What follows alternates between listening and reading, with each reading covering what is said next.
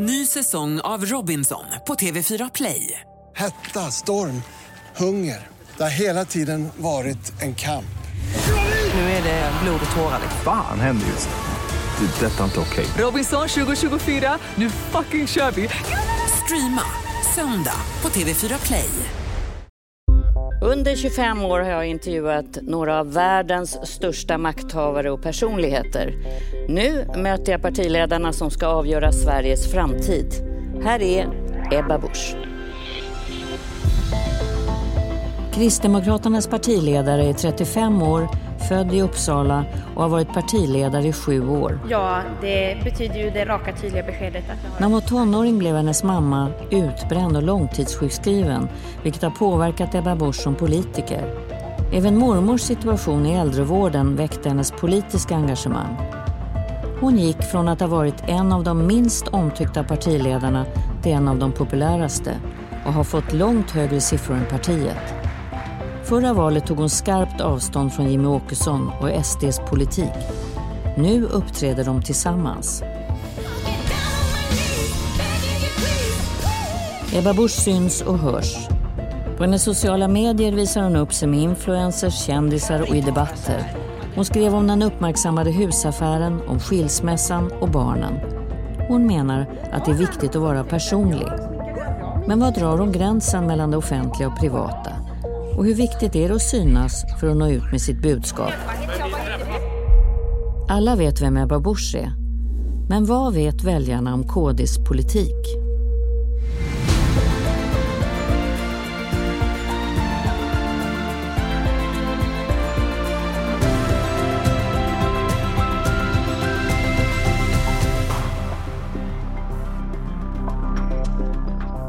Välkommen hit, Ebba Busch. Ja, men tack så mycket.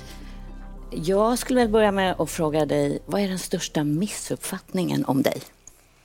Oh. det, jag vet, det, är, det är så svårt att svara på sånt själv, men jag tror att en av dem kanske är att jag är, är så att säga, obeveklig, att jag, att jag aldrig ger mig. Um, Stämmer jag, inte det då? Nej, men jag är väldigt stridbar, absolut, för, för det jag verkligen brinner för, för det jag tycker är värt att slåss för. Eh, men, eh, men jag har fått ge, ge, upp mycket och lägga mig platt i många situationer. Eh, det gäller att veta vilka strider som är värda att ta, men när jag väl tar dem, då ger jag mig inte. Är det någon annan eh, missuppfattning om dig som person? Men jag, jag, tror en av de vanligaste kommentarerna som jag får i mer privata sammanhang är väl, är väl just det, vad lätt du är att prata med. Eh, därför att de kanske bara har sett den i eh, kanske de stora partiledardebatterna och det är klart att när jag diskuterar med, med statsministern brottsbekämpning och vårdköer, ja då låter jag väl kanske inte så jättesmidig. Eh, men, i, men i övrigt så är jag ganska levnadsglad människa. Annars vet jag att du har sagt att du vill vara samma person i en sån här situation i det politiska livet som du är när du kliver ur det. Mm. Är du det eller har du förändrat dig där tror du? Nej, alltså en, en del ser ju lite grann partiledarskapet eller offentligheten, det, det är liksom en kavaj som man, som man tar på sig och sen så tar man av den och så är man någon helt annan. Eh, och för mig jag blir lite knäpp av att tänka så. För jag måste känna att jag är en och samma. Annars så för mig så blir det som att jag skulle vara falsk på jobbet. Eh, men det är klart att det är olika delar utav en och samma person. Det är klart att jag låter annorlunda i, i en debatt som har att göra med Sveriges framtid, Sveriges ekonomi, hur vi ska styra landet.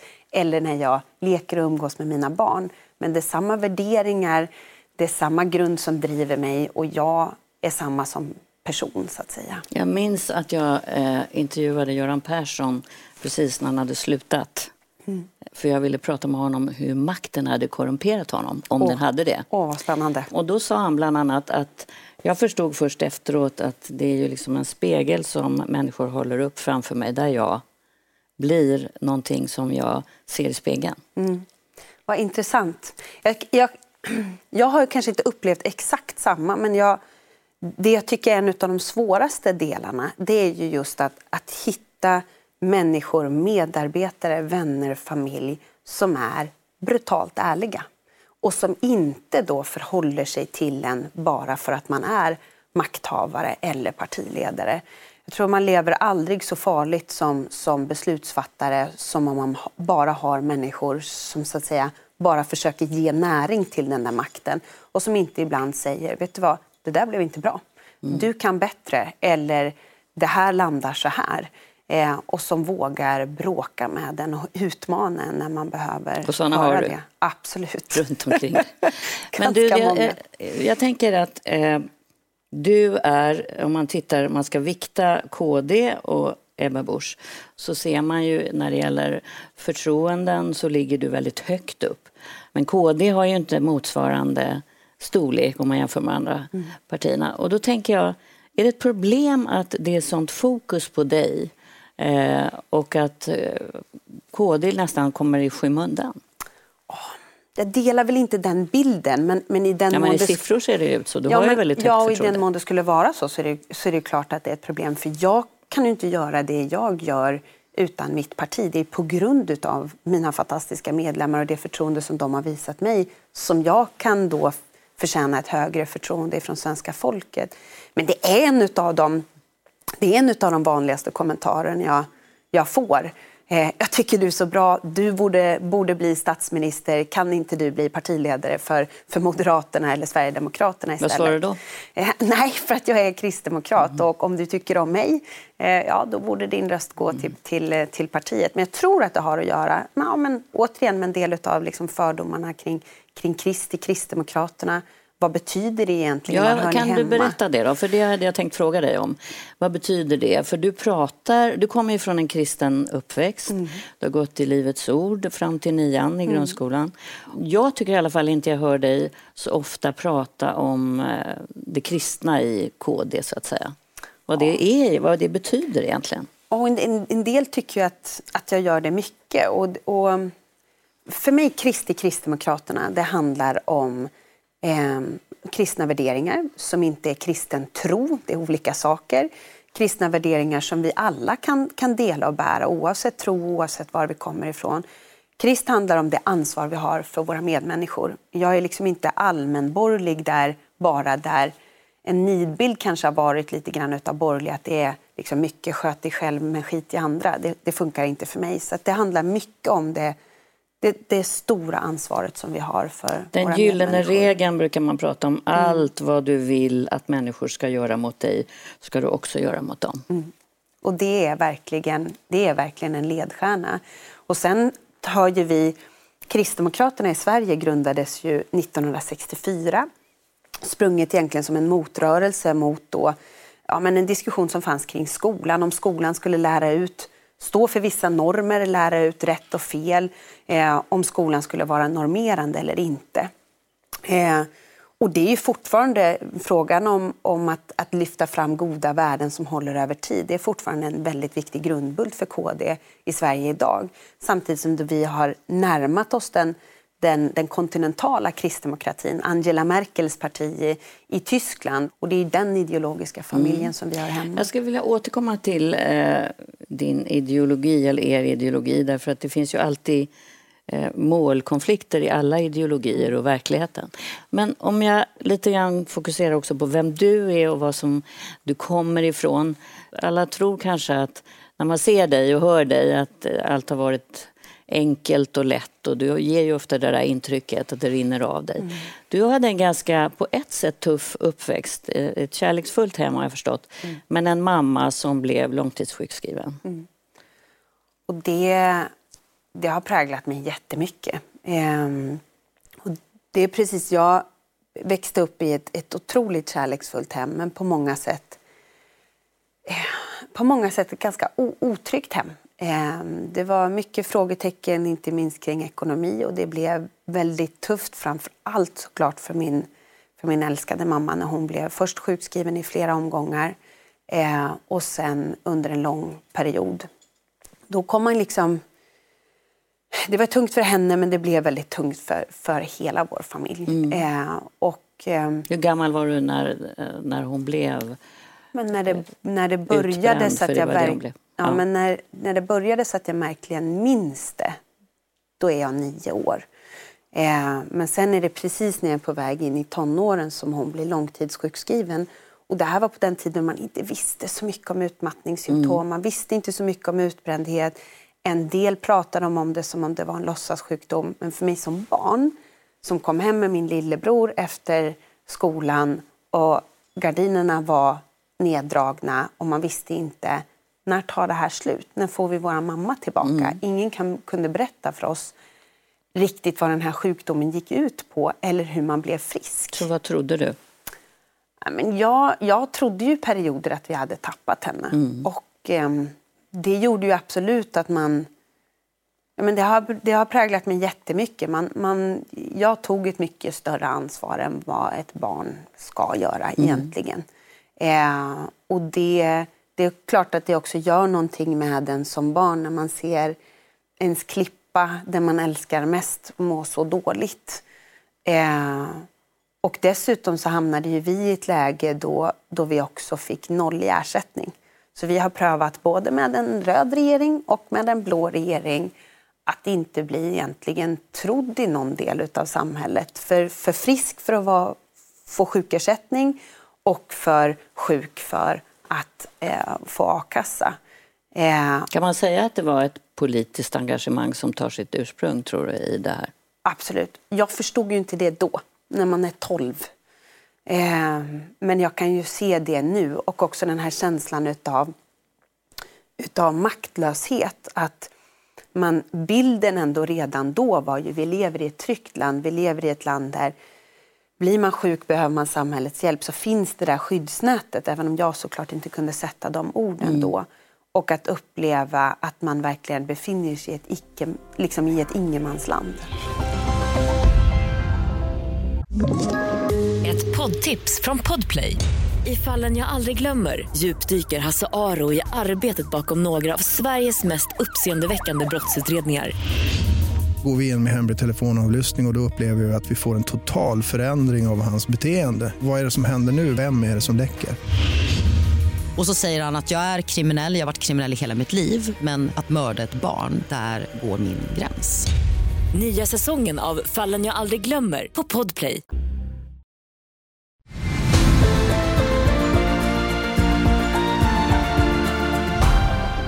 Det är ju så att eh, Kristdemokraterna, precis som den här gyllene regeln, har ju stått för familjen, för eh, medmänsklighet. Jag tror att det var eh, Alf Svensson som du har väl som någon slags eh, politisk pappa. Absolut. Kan man säga så? Ja, absolut. absolut. Ja, men han har ju sagt bland annat att mm. människovärde är viktigare än penningvärde, tror jag han har sagt bland annat.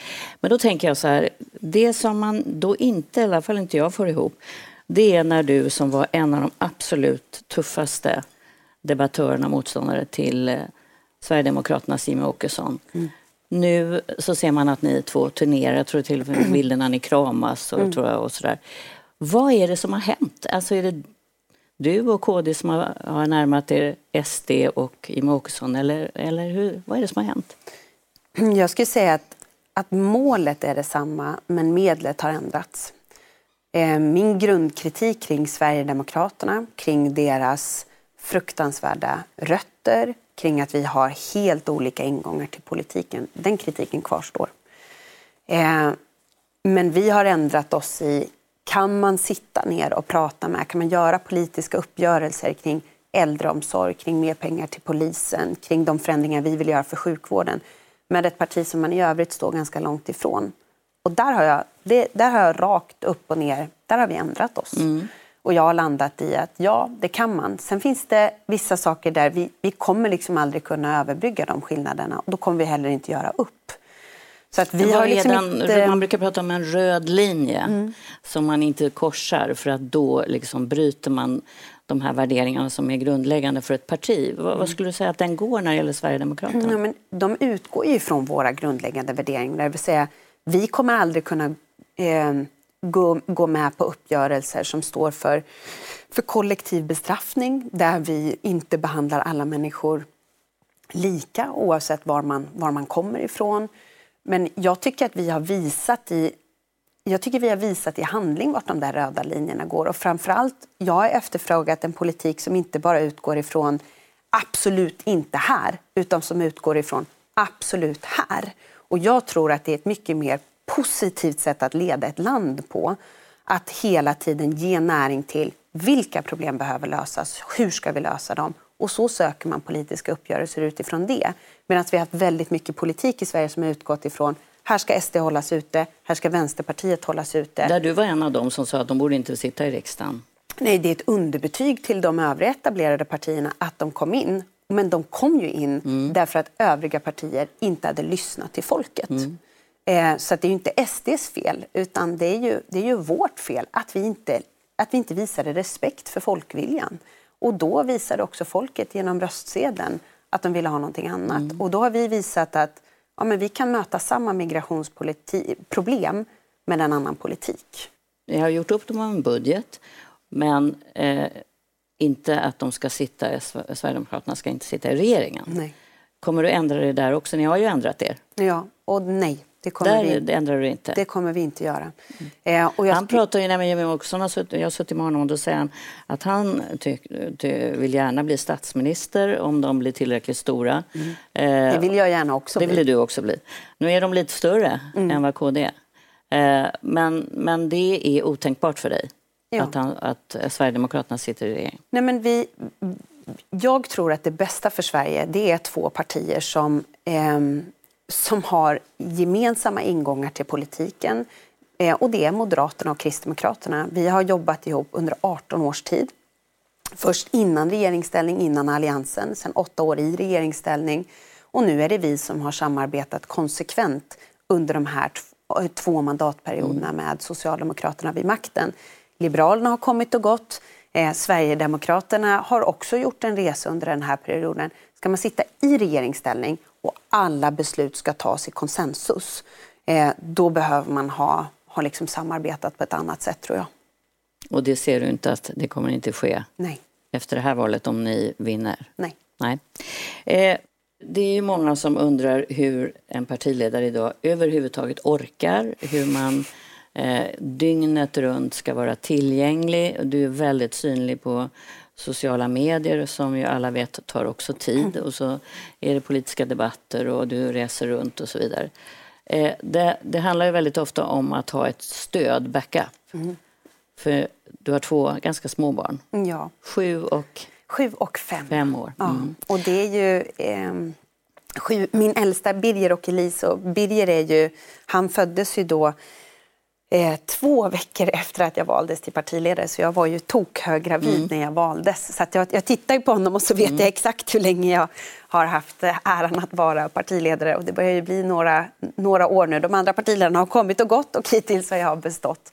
Men det är klart att det, det, är, klart att det är tufft. Och det, jag kan också känna ett ansvar, apropå då att jag gärna ser liksom, man har sin städade kavaj i, i, eh, i tv och i Instagramflödet och sådär. Men det kan ju du intyga, vi torkade bort lite mm. lera från lämningen här innan intervjun och det, det går inte alltid ihop. Mm. Eh, och eh, jag har absolut dagar då, eh, ja, men, då det bara inte funkar. Mm. helt enkelt. Och eh, lite senare så ska eh, vi få träffa en person som delar ett stort ansvar med dig och vet mycket om dig. Mm. Och ni eh, lever på, i en annorlunda kärnfamilj, kan man säga så? Ja, Familj. Ja, vi har mm. blivit, det, det familjen bli, annorlunda har vi blivit. Det ska bli spännande att få träffa din före detta man eh, Niklas. Mm. Men jag tänkte bara eh, också fråga dig om det här med Instagram och sociala medier. För det är ju ditt sätt att kommunicera väldigt mycket mm. med väljare och, och, du får ju väldigt mycket frågor vad jag förstår. Har du ångrat att du har varit så öppen? Jag tänker ju på den uppmärksammade husaffären där du var väldigt upprörd på partistämman, säger ni stämma? I KD? Ja, kongress, kongress. Ja, riksting till och med. Ja, ja, riksting. Du var ju väldigt upprörd över hela den historien. Skulle du ha gjort annorlunda om du hade gjort om det här? Alltså jag menar öppenheten, ja. offentligheten. Nej, alltså, för det hänger lite grann ihop med att inte, eh, inte behöva känna att man har liksom två ansikten utan att det, det är en och samma eh, människa som, som jag själv ska leva med och möta, se i spegeln. Men varför var du tvungen att berätta det? Det kunde ju vara en del av ditt privatliv. Ja, Det men- blev ju väldigt mycket någonting som stod kanske i vägen för ditt politiska arbete precis under den tiden.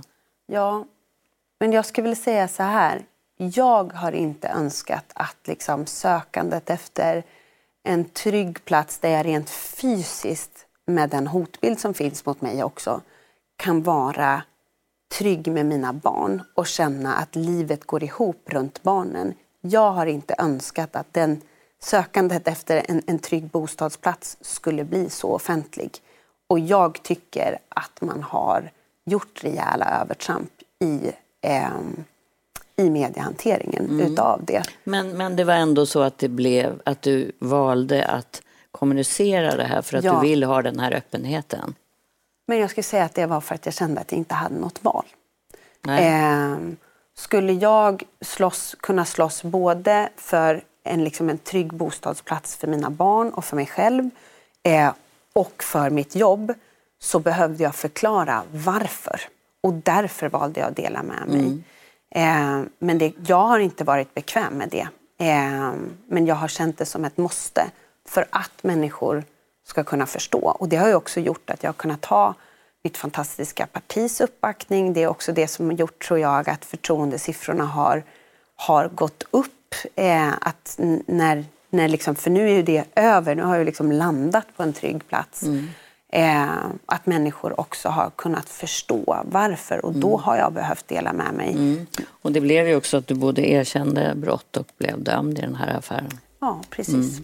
Men du, det, det finns ju några röda linjer även för dig privat, tänker jag. Vi ska tala lite grann om det, vad du inte eh, talar om. För man kan ju tro ibland att du är öppen om allting, men det har jag förstått.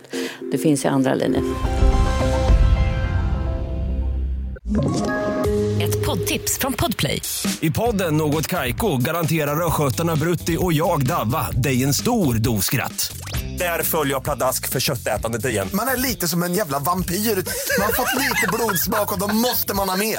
Udda spaningar, fängslande anekdoter och en och annan arg rant. Jag måste ha mitt kaffe på morgonen för annars är jag ingen trevlig människa. Då är du ingen trevlig människa, punkt. Något Kaiko, hör du på Podplay. Därför är gardinerna.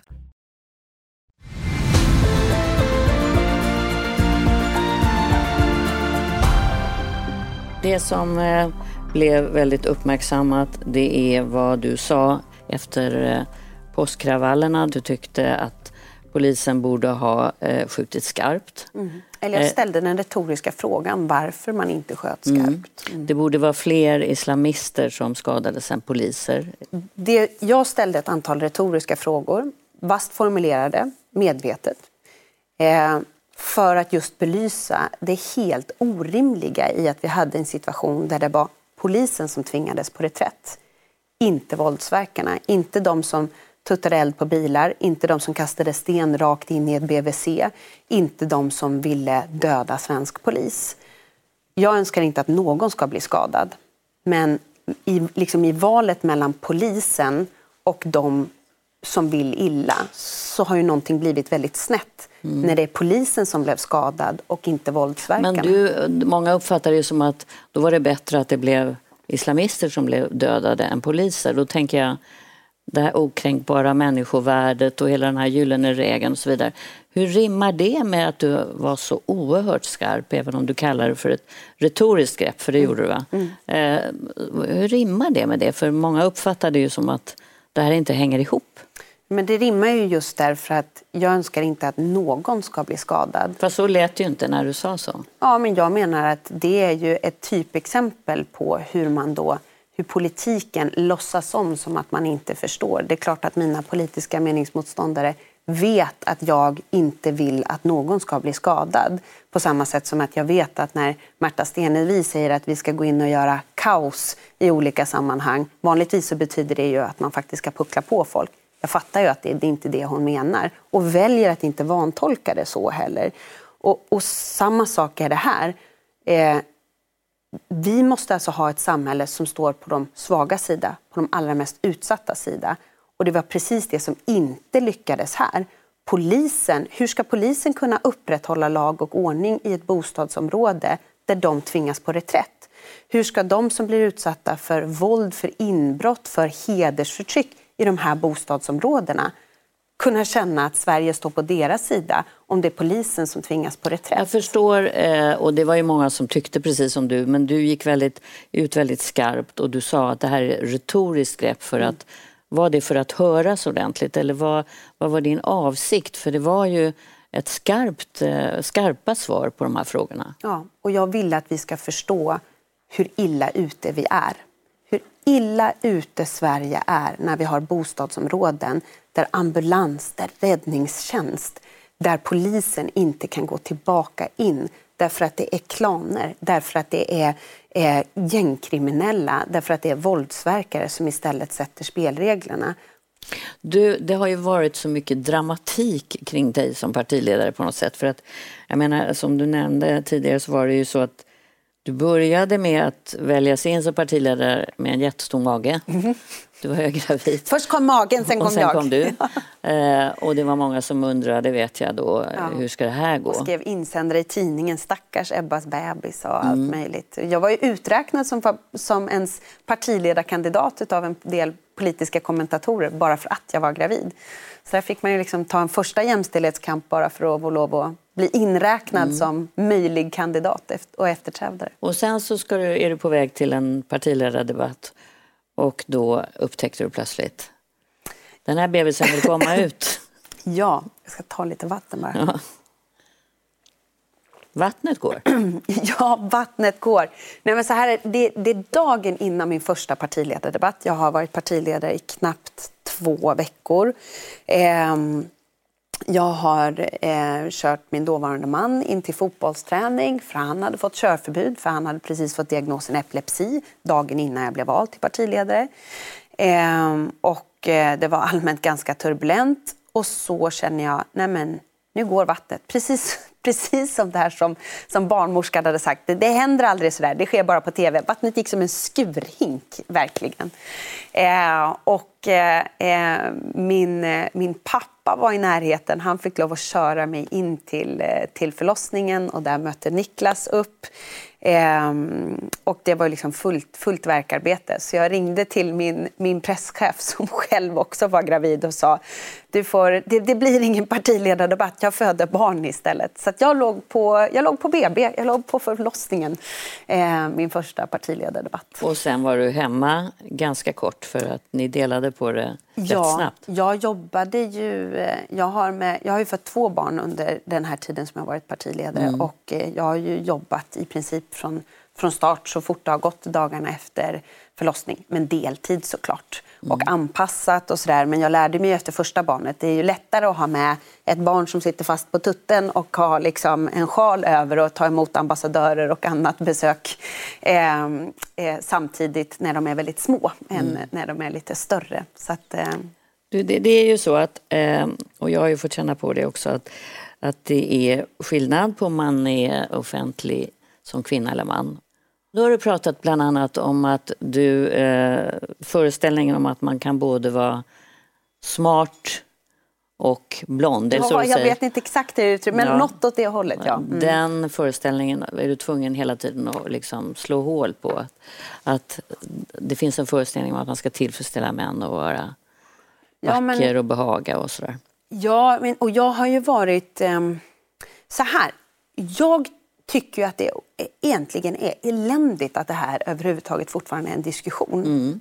Eh, och skulle gärna önska att jag kunde säga att nej, men det är ingen skillnad på hur män och kvinnor bemöts i offentligheten. Men det är det. Eh, och jag eh, har ju fått en del kommentarer kring, eh, ja, men kring mitt utseende, kommentarer kring hur jag har klätt mig och, eh, och liksom lockigt blont hår och sådär. Och det finns någon slags föreställning ändå att Antingen så får man välja att liksom, eh, vara smart eller så får man välja att eh, liksom, locka håret. Man kan inte göra både och. Eh, och jag, jag eh, har liksom inte riktigt köpt den där bilden. Sen är det så här, jag ser ut som jag gör och det har jag min mamma att tacka för. Men jag har blivit eh, både retad och mobbad för mitt utseende och eh, var nära att hamna i det här ätstörningsträsket också för att man fick höra alla möjliga saker när jag växte upp om mitt utseende. Så att jag har bara förlikat mig med det där. Jag ser ut som jag gör och eh, det viktiga är vad jag står för. Och vi måste hitta ett sätt att, att liksom vidga bilden av hur en ledare får vara. Alltså, eh, kvinnor och män är olika om man tittar på gruppnivå. Eh, men jag tror att det vore bra för samhället i stort om vi vidgade normen. Hur kan man vara som en seriös förtroendeingivare, duktig beslutsfattare? Vi pratade tidigare om din mamma. Man kan väl säga då efter att hon hade haft neddragna gardiner, långtidssjukskriven, så reste hon sig upp och skaffade sig en eh, examen i juridik. Va? Ja.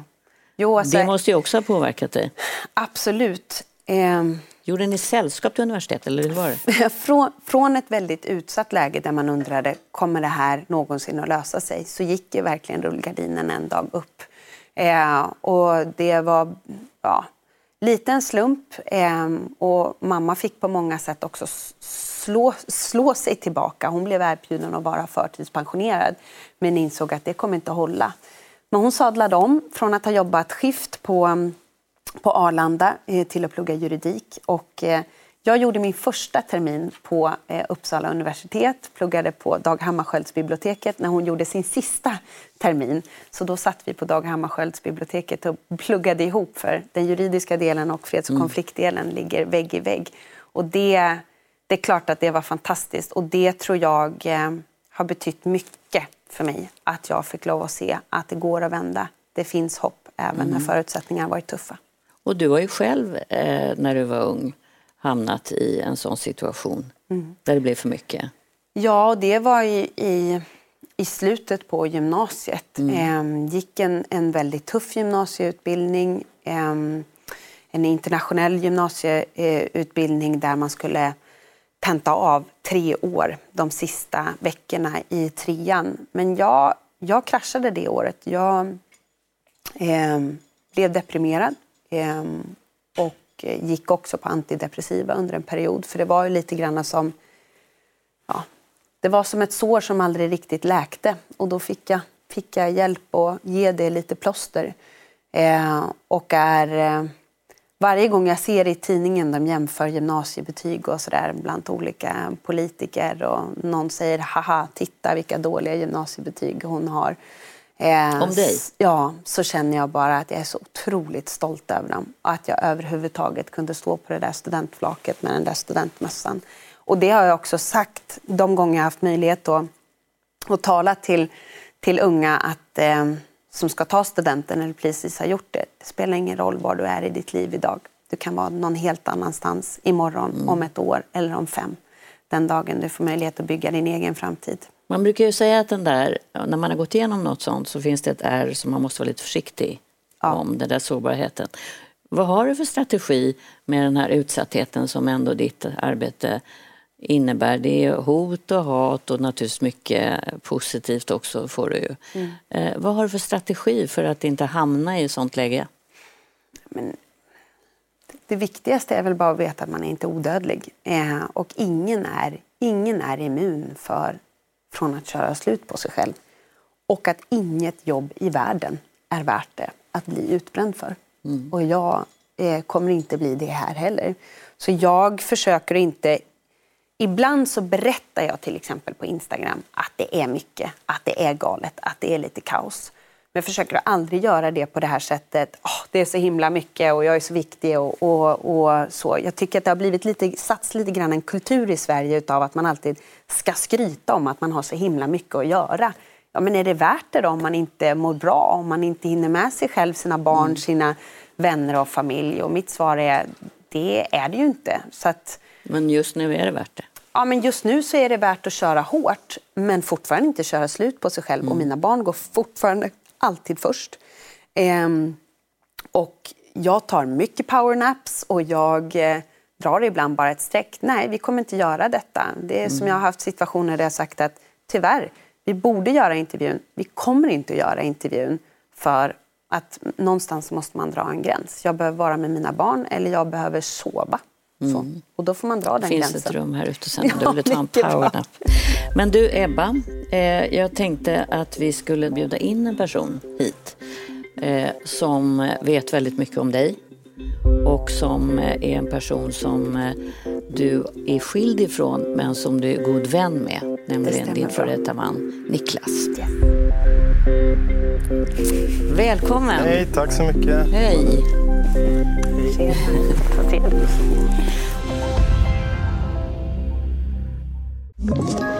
Ett poddtips från Podplay. I fallen jag aldrig glömmer djupdyker Hasse Aro i arbetet bakom några av Sveriges mest uppseendeväckande brottsutredningar. Går vi in med hemlig telefonavlyssning och, och då upplever vi att vi får en total förändring av hans beteende. Vad är det som händer nu? Vem är det som läcker? Och så säger han att jag är kriminell, jag har varit kriminell i hela mitt liv men att mörda ett barn, där går min gräns. Nya säsongen av Fallen jag aldrig glömmer på Podplay.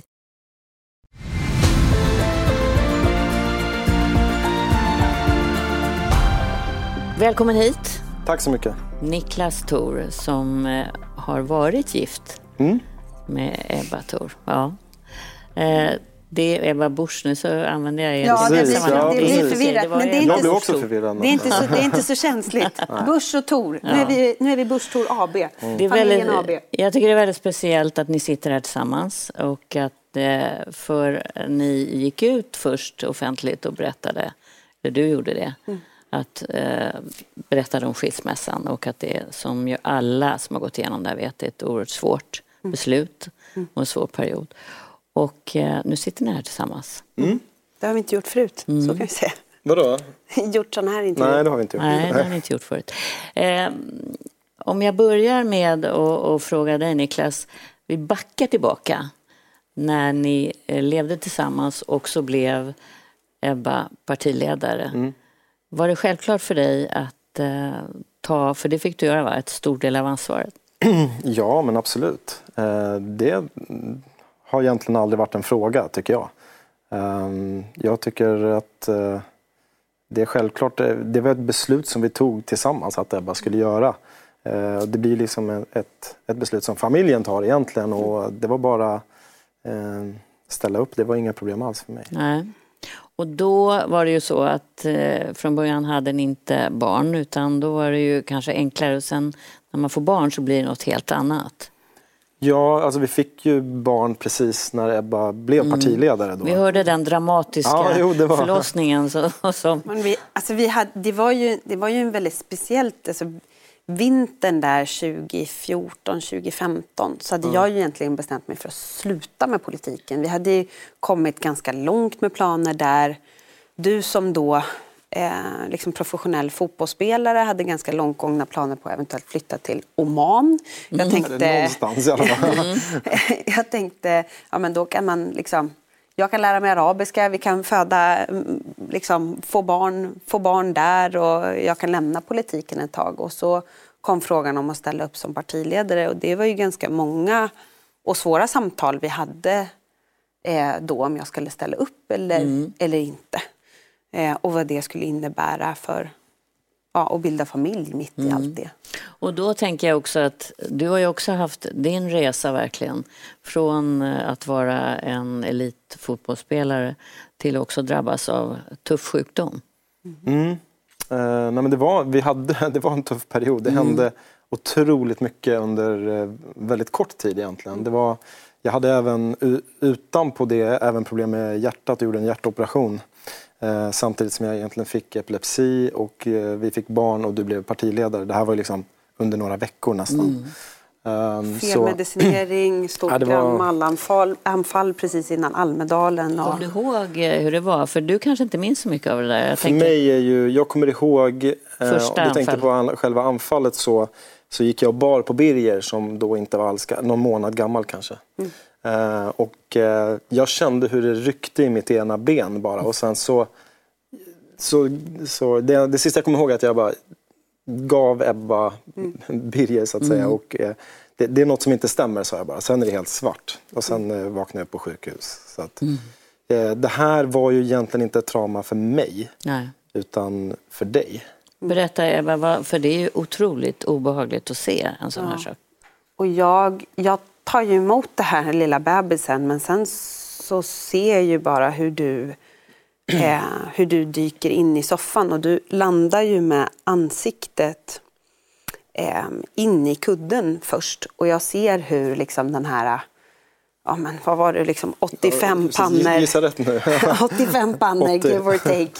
Eh, eh, liksom, I övrigt så välfungerande, vältränade kroppen bara liksom krampar och skakar. Eh, och jag lägger ifrån mig Birger på golvet.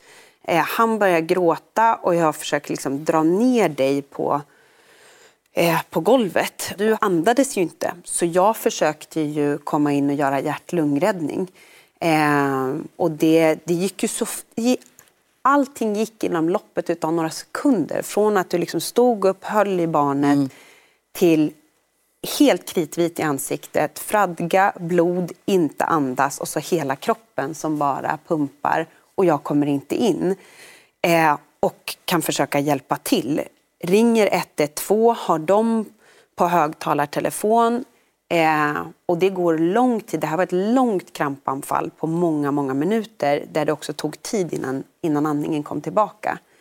Så rent känslomässigt så hinner jag ju gå dit att jag tror att, jag tror att du dör. Mm. Ehm, och, ehm, eh, och, och hör ju att ambulansen är på väg men de är 12 minuter bort. Och Birger ligger och tokgråter ehm, på golvet. Och där är... Ja. Eh, och sen vaknar du till liv efter ett tag. Men är ju inte... Du tittar ju på mig som att du inte har någon aning om vem jag är Jag har inget minne av det här heller. och har inga ord. Så jag tror ju att nu har han överlevt men jag har tappat honom där inne. Eh, och det tog ju eh, upp till två dygn innan du hade alla ord tillbaka. Så jag, eh, det, jag kommer aldrig glömma när ambulansen väl hade kommit. De packar in dig i ambulansen och jag vet att nu måste jag sätta mig och amma. Birger är vrålhungrig. Eh, men hur när du åkte, för där och då blir man ju bara lugn och försöker fixa allting. Eh, men då jag bara, jag bara skrek på gårdsplanen utanför vårt hus när ambulansen åkte iväg. För jag visste inte då, kommer han att komma tillbaka eller vad har hänt nu egentligen? Nu vet vi ju mycket mer om epilepsi Mm. och du har ju också engagerat dig i att ja, men, berätt, hjälpa andra liksom, och berätta liksom, Så, hur det så funkar. hur, eh, hur mår du då? Jag mår jättebra. För du har en medicin som... Jag har en medicin som fungerar, eh, Mm. som jag känner mig trygg med framför allt. För det, det tar ett tag att hitta bra och rätt medicin och det här är någonting som vi inte hade någon aning om egentligen. Jag har fått jättestor respekt för de som kämpar med det här. Och Mm. jag kan ju bara säga att jag har ehm, jag har det nog ganska enkelt jämfört med många andra som har det väldigt tufft. Men jag har ju blivit av med körkortet i två omgångar och vi bor ute på landet och en gång var ju då eh, efter att vi separerade så att eh, det blev ju eh, rätt mycket, mycket roddande Mm. för egen del och sådär. Det här att gå igenom en skilsmässa, det är ju smärtsamt. För det vet alla som har gjort det och det är många som har gjort det idag. Jag tänker också på hur ni nu sitter här. Och jag vet att ni är vänner och samarbetar. Men när jag pratade med dig tidigare innan vi gick in här så sa du att det var inte så enkelt utan det har ni arbetat med. Ja, det får man väl ändå säga. Absolut. Mm. Det är, det, det, apropå att det är många som har gått igenom det Mm. så tror jag att det är många som förstår att när, när man är mitt uppe i det så är det ju jobbigt. Alltså det är tufft, det är svårt att kommunicera tror jag. Eh, Det är uppslitande. Det, Mm. det, är, eh, det är tufft. Eh, Och eh, det är såklart att det inte alltid har varit så som det är exakt nu Nej. sen efter. Va, vad skulle ni säga att ni har gjort som ni gör att ni har kommit där ni är idag? Det är tre år ska vi säga va? Ja, Ja, snart eh, och är det det. Nej, men, det är ju ett aktivt val. Eh, och det är ju klart att vi har varit två om det valet, att vi ska försöka ta det hit. Men det är klart att direkt efter skilsmässan, när man är... Eh, det är så otroligt sårigt och dränerande och man mår så dåligt och det är mycket praktiskt som ska lösas ut, mycket svåra frågor, liksom, ja, men mycket svåra praktikaliteter ovanpå, ovanpå allt det känslomässiga och där man hade dagar där man undrade liksom, kommer jag ens orka kliva upp imorgon? Och så ska man vara en närvarande mamma eller pappa på det eh, och finnas där för barnen som går igenom sitt. Eh, det är klart att det var väldigt tungt. Men, men eh, vi bestämde oss väldigt tidigt för att okej, okay, vi kanske inte kan forcera det nu just idag, kanske inte vi orkar med det. Men vi ska ta det dit där, där det liksom ändå blir fungerande och kanske till och med trevligt att ha med varandra att göra. För vi, vi kommer, alltså så här är det ju, Niklas kommer ju, du kommer ju alltid att finnas i mitt liv. Ja. Vi, vi, Vare sig du vill eller inte. Ja, det, vi har barn. Nej, men, det är bara att acceptera. Ja, och, och, det, och, det är ju, och det tar ju lite tid att fatta att så här, vi, kommer in, vi blir ju inte av med varandra nu. Men Niklas, vad, vad, skulle du säga, vad skulle du säga Niklas var det som gjorde att ni kom över det här svåra som Ebba beskriver, såriga och Nej, men vi, mycket sorg vi, som det ofta är. Precis, vi pratar ju om det faktiskt emellanåt mm. idag. Vad, mm. vad, vad, kan, vad, vad, kan vi greppa på här? Vad är det som vi har gjort egentligen?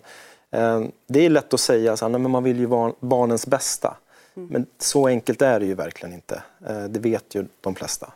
Eh, men det som jag fick jobba med, så som jag hanterade det och liksom tacklade det i början, det var att jag blev lite grann självisk och tänkte det är bra för mig att Ebba mår bra. Mm. Det är jättebra för mig att Ebba mår bra. Um, för att gör hon inte det så kommer det tillbaka till mig. Det, det, I början när man inte alltid kände så här, jag vill så gärna att uh, uh, ja, man, det är inte alltid man känner då att ja, jag vill att det ska gå superbra, allting ska funka. Utan ibland, det är sårigt, det är jobbigt. Mm. Så tänkte jag ibland i mina svåraste stunder, för det är där man är ganska dålig oftast.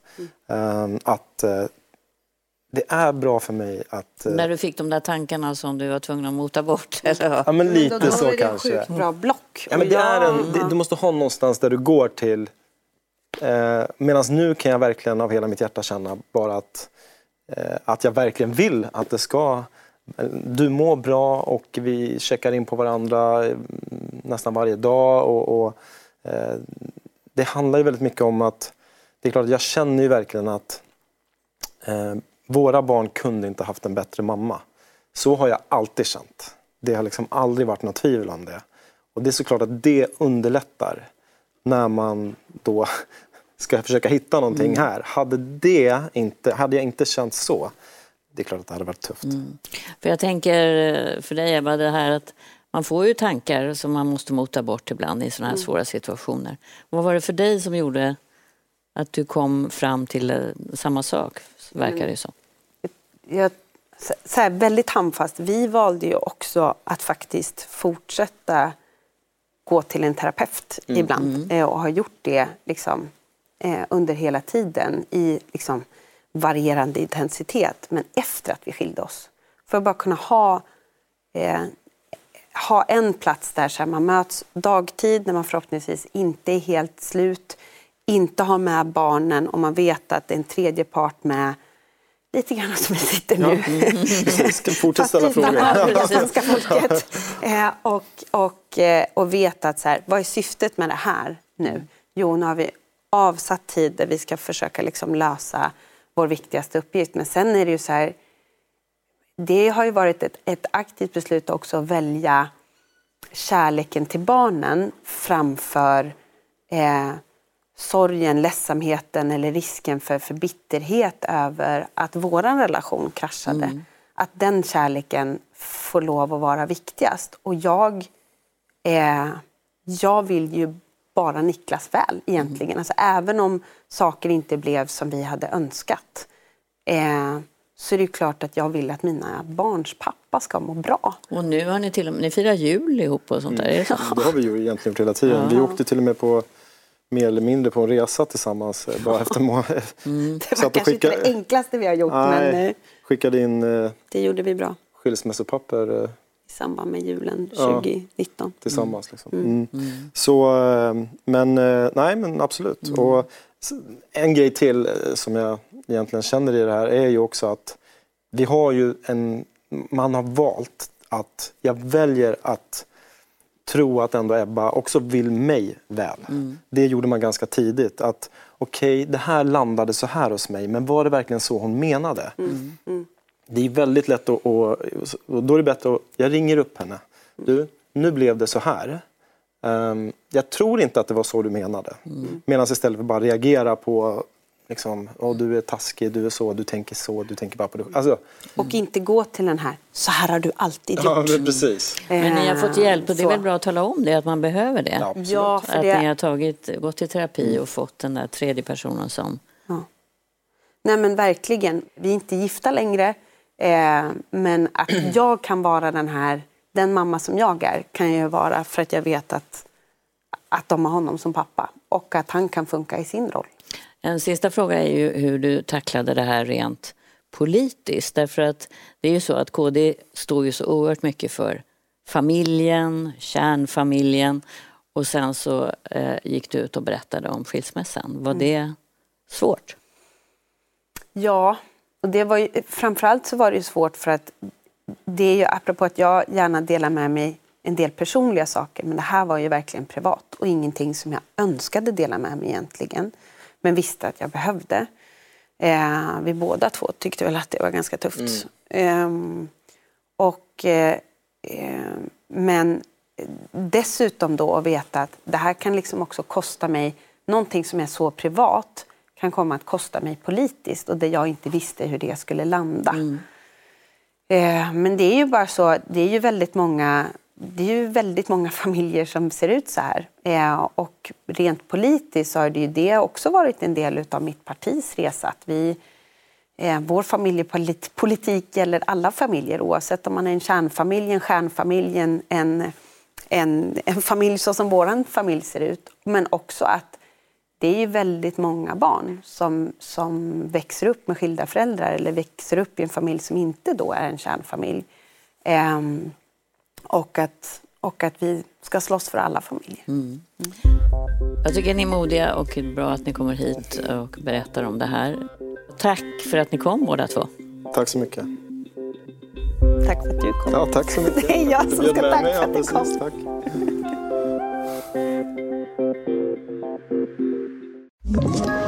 Ett poddtips från Podplay. I podden Något Kaiko garanterar östgötarna Brutti och jag, Davva, dig en stor dos skratt. Där följer jag pladask för köttätandet igen. Man är lite som en jävla vampyr. Man har fått lite blodsmak och då måste man ha mer. Udda spaningar, fängslande anekdoter och en och annan arg rant. Jag måste ha mitt kaffe på morgonen för annars är jag ingen trevlig människa. Då är du ingen trevlig människa, punkt. Något Kaiko, hör du på Podplay. Därför arkadeinerna.